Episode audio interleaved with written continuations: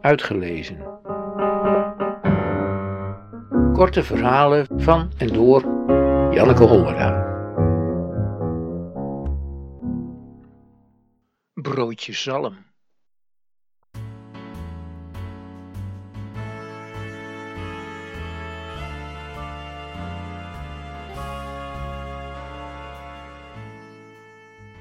Ik lunchte met mijn nieuwe uitgever. Ik droeg een spijkerjasje en lange oorbellen en had mijn haar een beetje nonchalant omhoog gestoken. Ik hoopte dat ik op die manier een beetje een stoere, zelfverzekerde en toch vrouwelijke uitwerking op hem zou hebben.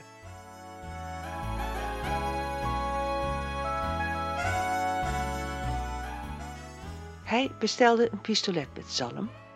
Dat leek mij ook wel lekker, maar ik nam het niet. Er kleven namelijk heel veel risico's aan zo'n broodje.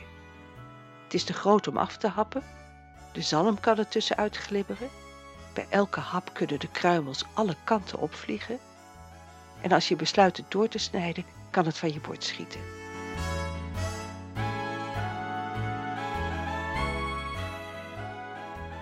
Ik koos een gemengde salade van snijbiet, rucola, veldsla, geitenkaas en walnoten met een dressing van balsamico is niet vet en glibberig, kan met kleine beschaafde happen worden genuttigd en lekker en gezond en verantwoord.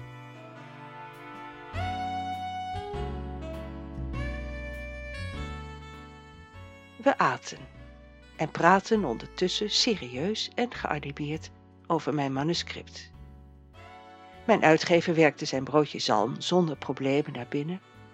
Ik nam af en toe een hapje ik ontspande een beetje, maakte zelfs een grap. Hij lachte.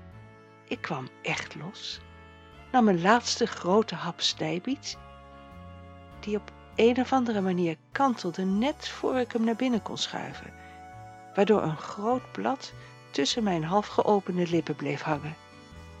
Ik kreeg het met mijn tong niet naar binnen gehengeld. Ik moest het afbijten, zodat de helft terug op mijn bord zou vallen, of het met de hand naar binnen duwen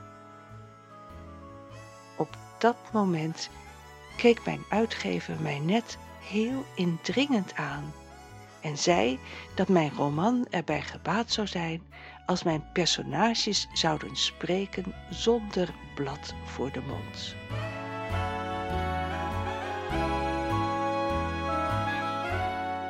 Met mijn hoofd diep gebogen over mijn bord duwde ik het blad naar binnen.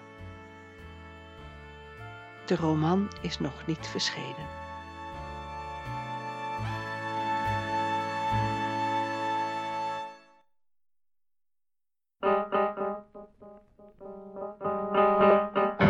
Uitgelezen.